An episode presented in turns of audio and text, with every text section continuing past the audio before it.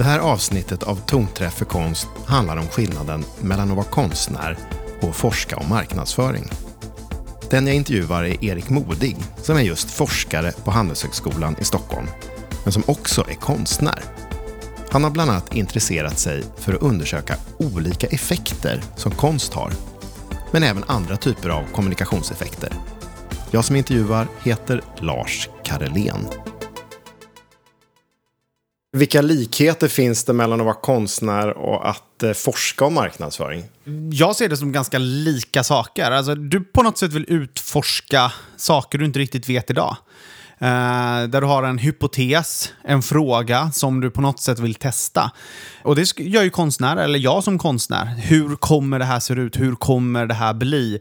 Kan det funka så? Hur kommer den här färgen funka med det där? Um, och sen så testar man sig fram och så, och så jobbar man med det. Uh, och ibland så känns det just som att eh, ens tavla är ens uh, undersökning eller på något sätt ens, ett sätt att, att testa. Och ibland så talar tavlan till en och säger nej du din hypotes funkar inte alls. Det blir inte alls så bra om du, sätter de färgerna där eller målar det så. Då får man ändra om och så jobbar man på så sätt.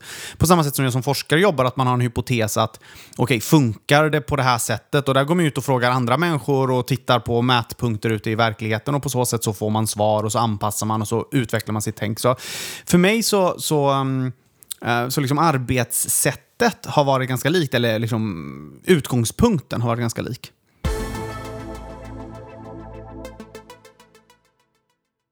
Och vilket förknippar du mest med prestationsångest? Är det att eh, vara konstnär eller att forska om marknadsföring?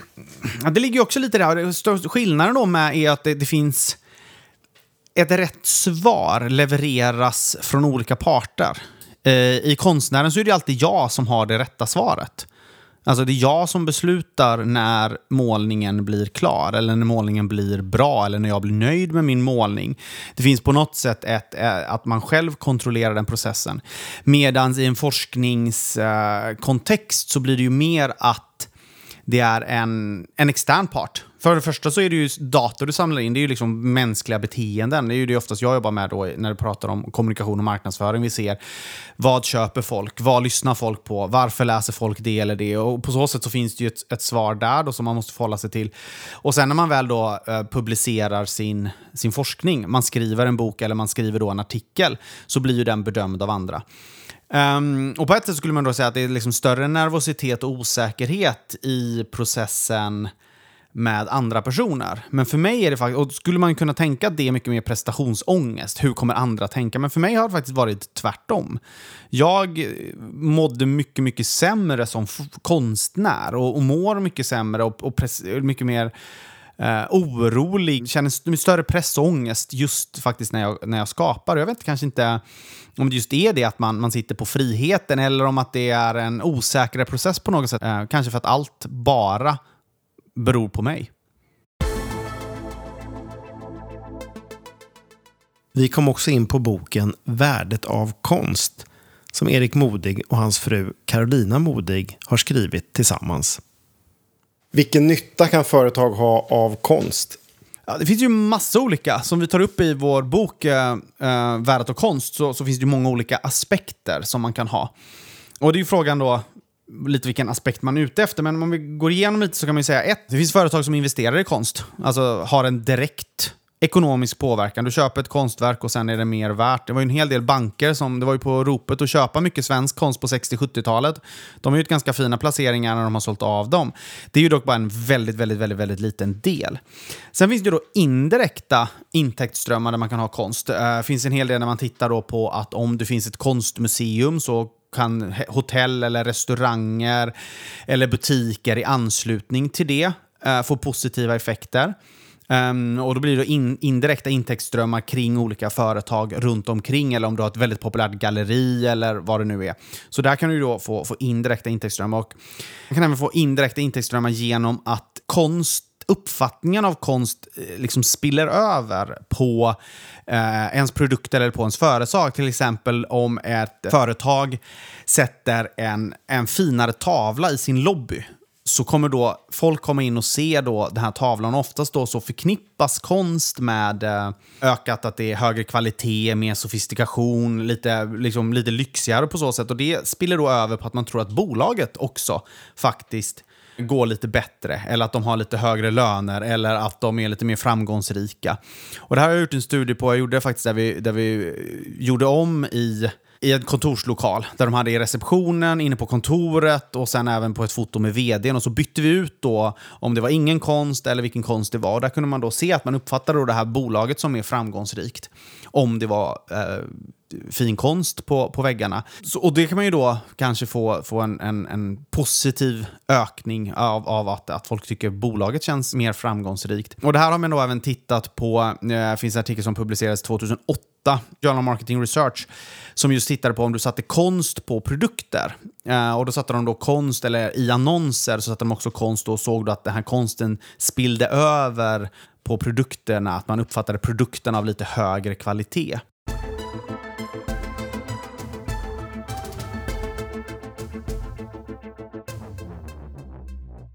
Självklart är det viktigt att ha rätt konstverk och att det finns en matchning mellan de här. Och det de gjorde då var att om det var en, en tvålförpackning som doftade blommor så hade de liksom Monets blomsteräng. Eh, och då uppfattar man att det här eh, var av högre kvalitet. Så på så sätt så ska det finnas en, en, liksom, en matchning mellan konsten och det man vill säga och då blir det någon typ av associations förmedling. Så där finns det ju de, där man pratar om direkta och indirekta liksom, ekonomiska vinster i och med att du oftast då kan ta högre betalt för en produkt som folk uppfattar har hög kvalitet. Sen finns det ju en del andra aspekter kring konst. Och det är till exempel, jag har ju sålt en del tavlor och jag har pratat en hel del med en del bolag som, som köper då en, liksom, en tavla och sätter i konferensrummet. Många pratar ju om att Ja, men det är den som folk börjar prata om. Den bryter isen. Det här klassiskt. Jag köpte, det var faktiskt en, en, en advokatbyrå som köpte ett av mina verk där jag hade porträtterat av lite kända personer i ovana situationer. Och de sa att det är alltid det första folk börjar prata om. De bara, men vad, vad var det för situationer? Det, var, det här var gjort för tio år sedan. Då hade jag gjort uh, Fredrik Reinfeldt, Göran Persson och Leif Loket Olsson som stod i, i, med armarna om varandra. Uh, uh, som, eh, som så här, fotbollssupportrar i svenska tröjor. Och sen så eh, i bakgrunden så var det en, eh, så satt de runt en lägereld och en husvagn. Så, så, de, så de hängde, så det var liksom Reinfeldt, Göran Persson och Leif Loket Olsson är ute och, och, och följer svensk fotboll och kampar. Eh, och den väckte ju väldigt mycket frågor. Liksom. Vad gör Reinfeldt med Persson? Det här var ju, den var ju målad då mitt uppe i de värsta debatterna och sen så då kommer Leif Loket Olsson eh, in i den här kontexten. Och, och, och det sa de, ja, men det var väldigt bra för det ju, fick folk att börja prata och börja diskutera kring det här. Och det kan ju vara nytta kring, eh, och framförallt då kanske advokatbyråer där det kan vara känsliga frågor som ska diskuteras på mötena. Konflikter eller olika saker. Då kan det vara bra någon att få, få någonting att få igång. Sen så finns det ju även att man kan då få andra tankar. Alltså, det handlar inte bara om att liksom få folk att börja prata, utan det kan få folk att börja tänka. Men där handlar det just om att man kan använda konst som någon typ av katalysator.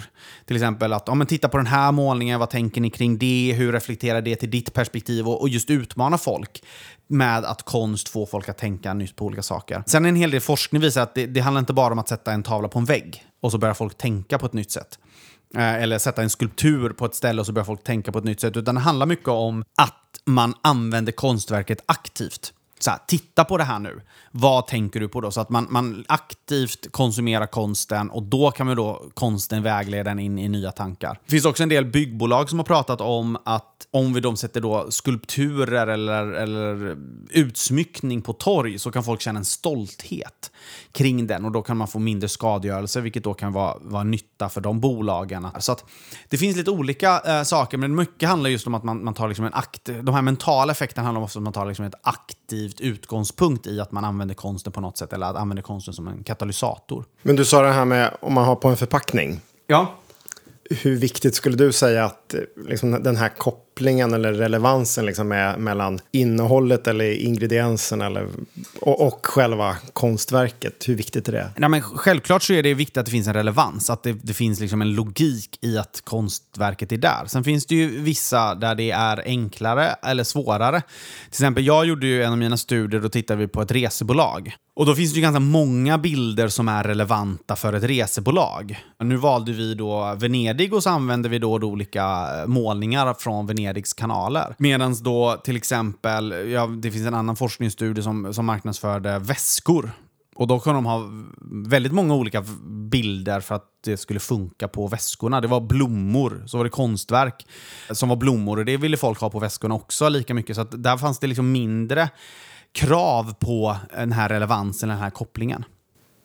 Men är det väldigt olika på olika produktkategorier? Ja. Och det kan vi variera också både från person till person, men framförallt från, från produktkategori till produktkategori. Om du till exempel har ett företag, en advokatbyrå, vad de sätter på väggen, och det kanske inte spelar någon roll alls, bara att det är konst. Men om det just är en tvål som ska man, alltså, eller om det är någonting, då kanske man vill ha någon typ av koppling. Eller det kanske blir viktigare att tavlan också är estetiskt vacker. Men, för det finns ju vissa branscher, du säger en advokatbyrå till exempel. Ja, det är ganska vanligt i advokatbyråer att, att, att, att liksom investera i konst och, och, sånt. Om man kollar på de som eh, oftast har det så är, så är de lite överrepresenterade. Och byggbolag också. Men finns det några branscher som du bedömer att det skulle finnas en jättepotential att använda konst men där man liksom inte har ens börjat? Men där man skulle kunna sticka ut tok mycket om man gjorde det? Uh, alltså det, det, ett skulle jag vilja säga att, att det är ju, de, många som använder ju restauranger också, miljöer där du är. Uh, och nu har ju mer och mer shoppingcenter också börjat jobba med det här. Vi såg Modgallerian som har skulpturer utanför och, och jobbar med det där. Det finns ju möjligheter uh, där folk påverkas. Sen så vet jag inte exakt jag hade ett, en, ett test, så återigen, en hypotes då när jag började som forskare att man skulle ha in konst i matvarubutiker. Och det funkar inte alls. Varför inte då? För att folk bryr sig inte om det. När du är en va va matvarubutik så är du där för att handla mat. Eh, och du vill inte bli inspirerad, för du är där att handla mat.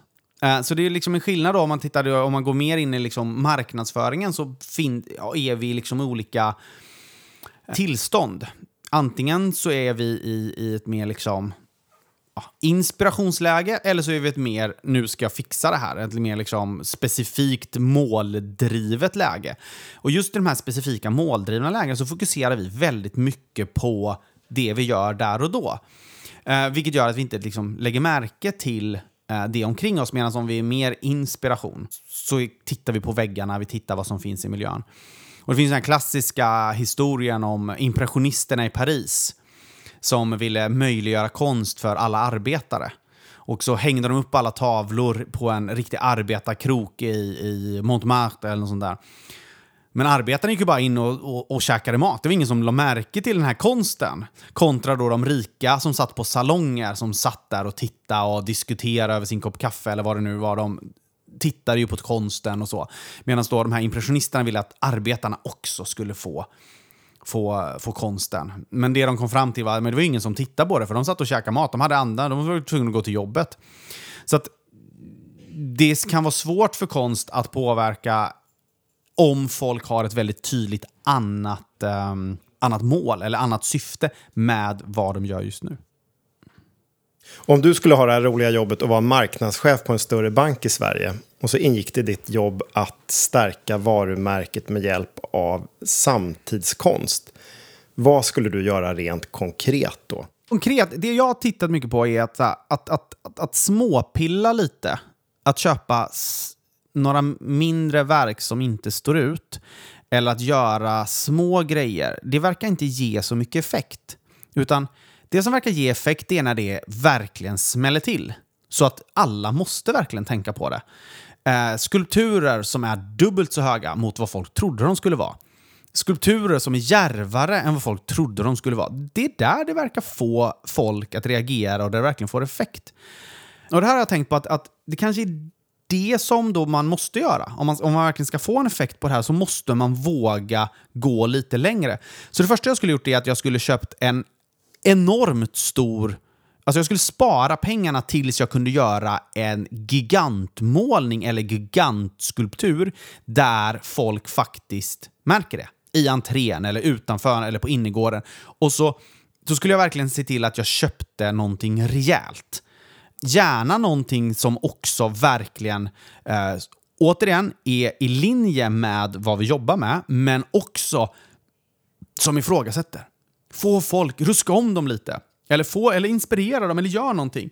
Men alltså någonting som verkligen påverkar. Det tror jag skulle vara en, en, en första del i, i arbetet för att just få upp, upp ögonen för det, få upp diskussionen, få igång det. Sen skulle man alltid kunna jobba med mindre eh, installationer eller mindre verk eller sånt för att och, och, och på något sätt mm, få igång det. Men jag tror att, att man behöver the big bang tror jag att man behöver. Och då behöver man nog liksom och spendera oproportionerligt mycket på kanske ett verk för att verkligen, verkligen få igång det. Och sen handlar det just om man verkligen skulle få ut nytta av det, så handlar det just om att aktivera. Alltså inte bara sätta upp på, på väggarna och låta dem hänga. Utan aktivera eh, både genom att prata om det, använda dem, se vilka verk som funkar i vilken miljö, vilka, hur påverkar det folk? Och sen skulle jag flytta verk. Och det här är bara ett generellt tips som jag tror väldigt få använder sig av, eh, även privat. Man sätter upp en tavla och så tänker man, ja men där ska den hänga. Nej, den hänger där då.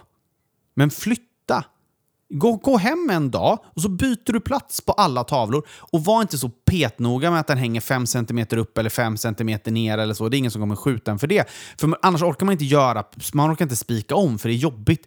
Men det jag eh, och min fru gör väldigt mycket, vi hänger om. Väldigt, väldigt mycket. Flyttar om och flyttar. Det gör det väldigt mycket roligare. Och visst, vissa saker hänger lite för långt ner eller för högt upp eller åt sidan. Så. Ah, men det är ingen som stör sig för det. Det är, utan bara, det är bara skönt. Och det skulle jag göra mycket. Uh, och jag pratade en del, vi höll, höll ju på tidigare med ett galleri där vi hyrde ut konst. Och då var det ju många som sa ah, men jag gillar den här tavlan, jag vill ha den. Uh, jag vill ha den på samma plats hela tiden och man blir liksom, vill, vill gå in i den här, uh, allt ska se likadant ut. Men ska jag vara ansvarig för det här konstprojektet, då skulle jag flytta hela tiden. Men när du och din fru flyttar om konstverken hemma, brukar du bli arg på henne då? Nej, inte det minsta. Men ibland så har vi ju lite så här, men varför ska den hänga där eller ska den hänga där och så. Så flyttar man om lite så får ibland ha vissa av mina favoritverk en bättre position och vissa av hennes favoritverk en bättre position och så. Men man får ändra om lite.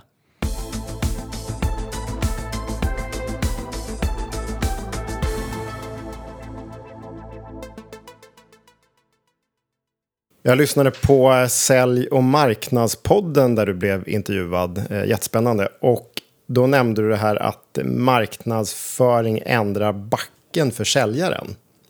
Mm. Och då, um, jag skulle bara kunna säga lite kort, för du, ja, du förklarar bra va, Nej, men det är, hur du om, tänkte. Om du har sålt, sålt någonting i ditt liv och så hör du av dig till någon och så säger du att uh, är du intresserad av den här produkten och du har ingen aning vilken produkt du pratar om. Det är väldigt jobbigt, för då måste jag börja förklara. Och så säger du, ja ah, men vi är från det här varumärket. Jag har aldrig hört talas om er. Ah, okay det är väldigt jobbigt att sälja på någon när de inte vet vad det är för produkt, de vet inte vad det är för nytta med den och de vet inte vad det är, känner till för företag. Det är liksom sälj. Om marknad gör jobbet, du gör intressant kommunikation. Du står ut så att folk känner till, aha, det är det här bolaget, det är det här de säljer, det är det här de gör. När du väl sen kommer och säljer och säger du, jag hör av mig från det här bolaget, vi pratar om den här produkten. Ja, ah, just det, ja men vad bra. Så att på något sätt marknad gör ju att folk blir intresserade självmant av produkten och även om då sälj behöver gå ut, att de redan känner till. Och om man då drar paralleller till, till konsten, eh, hur kan konsten ändra backen för säljaren? Eh, ja, den kan ju ändra lite det vi var inne på förut, fördelar kring, kring eh, eh, fördelar eh, kring, kring folks uppfattning. Om du sätter konstverk i en stadsmiljö så kanske det är enklare för säljaren att sälja lägenheter där. Det är ett mysigare kvarter, det är ett trevligare kvarter. Uh, och då vill folk i högre utsträckning uh, bo där. Men det handlar just om att man synliggör den. Eller andra olika saker. Sen är det väl kanske inte så att konsten ska hjälpa säljaren i huvud syfte och det gör att den kanske inte har jättestor effekt. Men en liten perifer grej, en liten förskjutning kan det göra. Sen beror det på hur aktivt man jobbar med det och hur viktigt konsten kan vara. Men det finns ju en rad hotell som nästan drivs av att de har eh, konst på väggarna. Det är en konstsamling på väggarna. Vi vill gå dit för att titta på, på det. Då, då hjälper det ju väldigt mycket. Så det handlar ju återigen tillbaka till den här eh, att konsten faktiskt är relevant eh, för Ehm, för miljön. Till exempel sätter du en tavla på en advokatbyrå så tror jag inte det hjälper säljet. Utan då är det snarare en annan typ av nytta. Men sätter du massa tavlor på en restaurang eller på en hotellmiljö där du kanske vill inspireras eller njuta, ja då kan de hjälpa att folk faktiskt bokar. Givet att man sen tar ett foto av den där äh, målningen eller den här häftiga skulpturen eller den här installationen och just lägger med i katalogen eller lägger upp på bokningssajten. Och I den här andra intervjun då på, på den andra podden så då pratar ni även om eh, det som eh, heter thin slicing. Mm. Eh, vet, vad, vad, säger man på svenska? Ja, det, det, det är alltså ögonblicksbedömning. Eller alltså att, att, det handlar om att, att thin slice judgment gör då att till exempel när du ser en person eller när du ser ett föremål så gör du en, en emotionell bedömning kring det föremålet. Om du gillar det, vilken kvalitet det håller eller och när det kommer till personen om du uppfattar den trovärdig eller ej. Och du kan då få en magkänsla. Känns den här personen trovärdig? Gillar jag den här personen? Och det är ju inte för att du sitter och tittar tittar på någon enskild detalj eller fokuserar på den, utan du får en så kallad uppfattning. Och den här uppfattningen byggs på att du har tagit in massa, massa, massa, massa, massa, massa små detaljer. Du ser hur håret ligger, du ser om de har glasögon, hur mycket, vilken färg de har på ögonen, vilka kläder de har, allt, allt, allt. Hur de rör sig, hur de nickar med huvudet, hur de, tonen de har, allt sånt. Mycket, många, många små. Och det kallas då thin slice.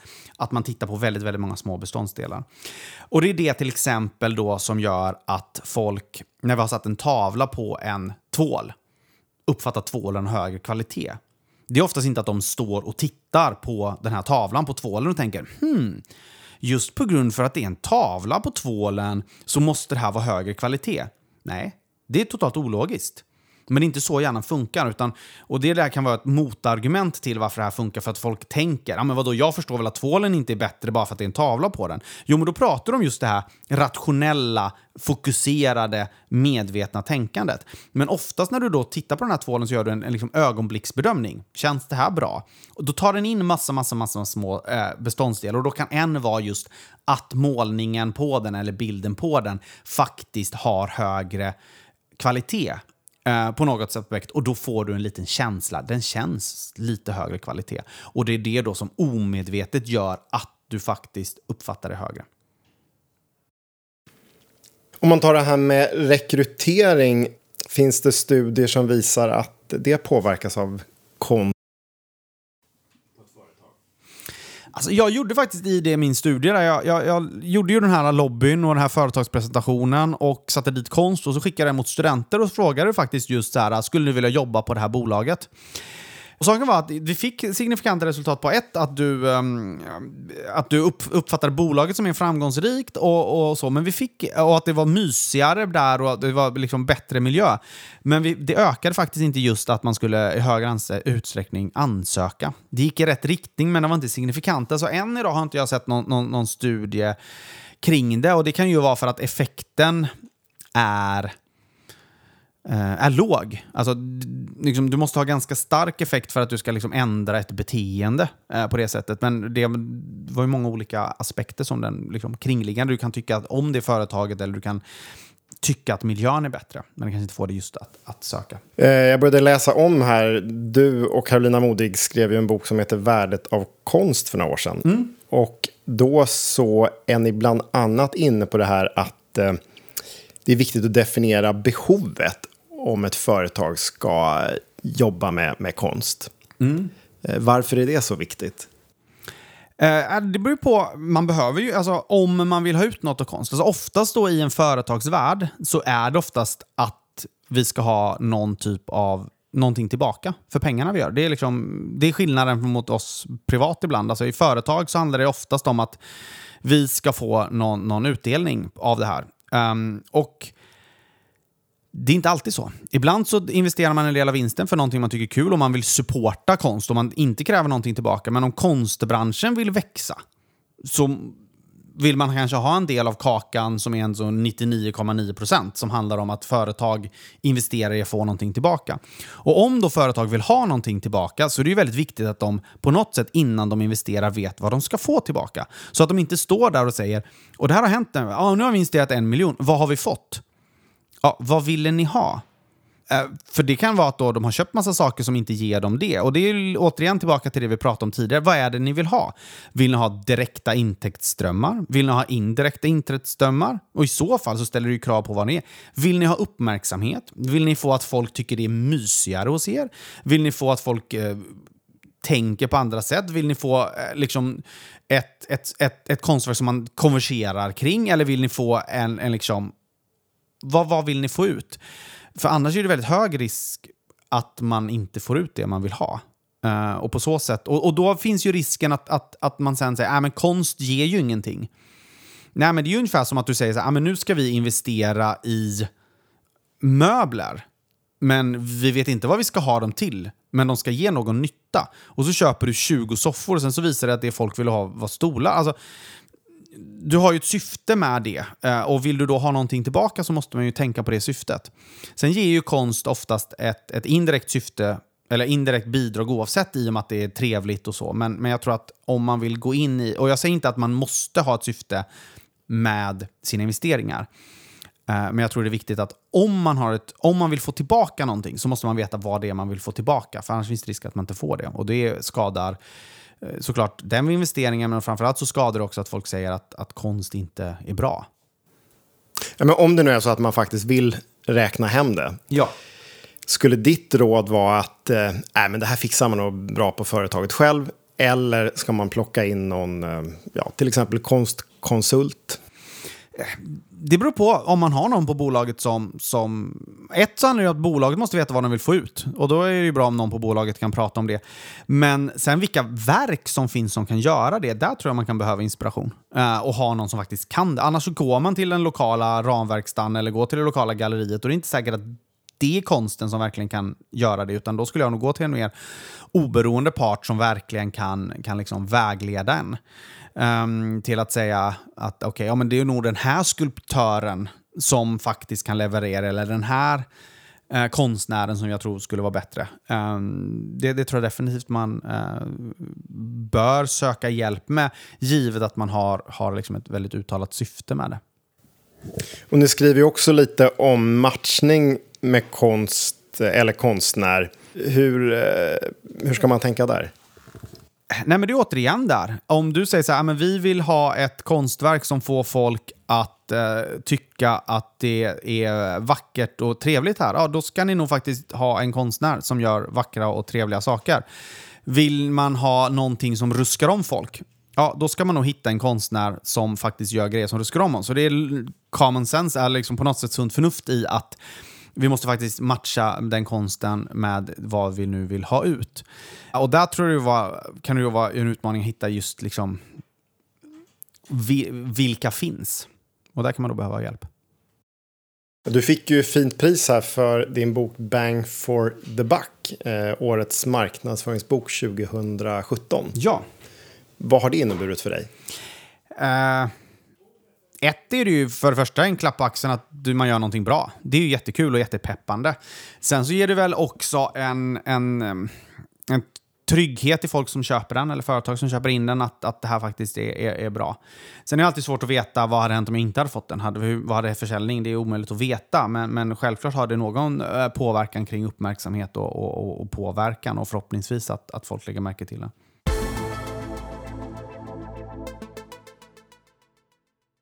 Ha, har du några avslutande tips kring det här med hur företag skulle kunna använda sig av konst? Några generella käpphästar? Eh, för det första, titta på konsten ni har och börja flytta runt den.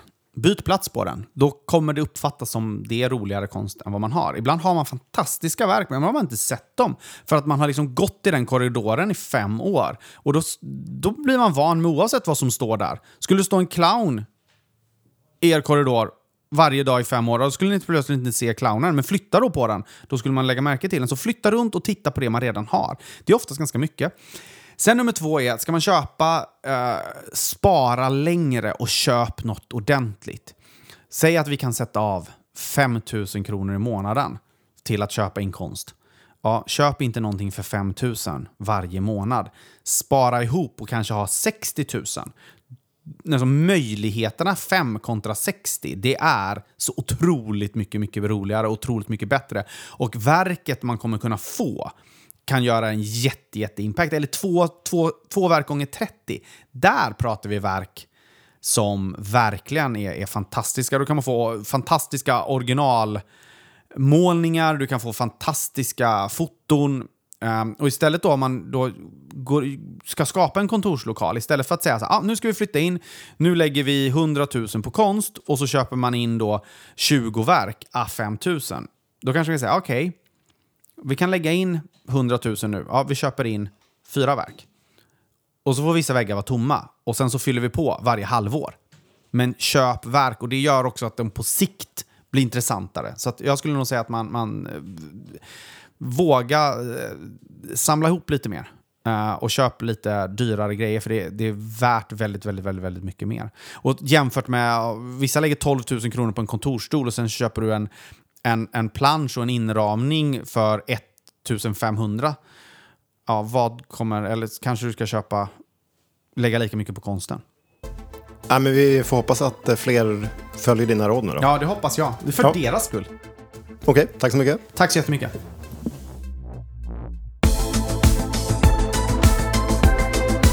Nästa avsnitt av Tonträff för konst handlar om föreställningen Galleri 6 och då träffar du pjäsförfattaren Paula McManus.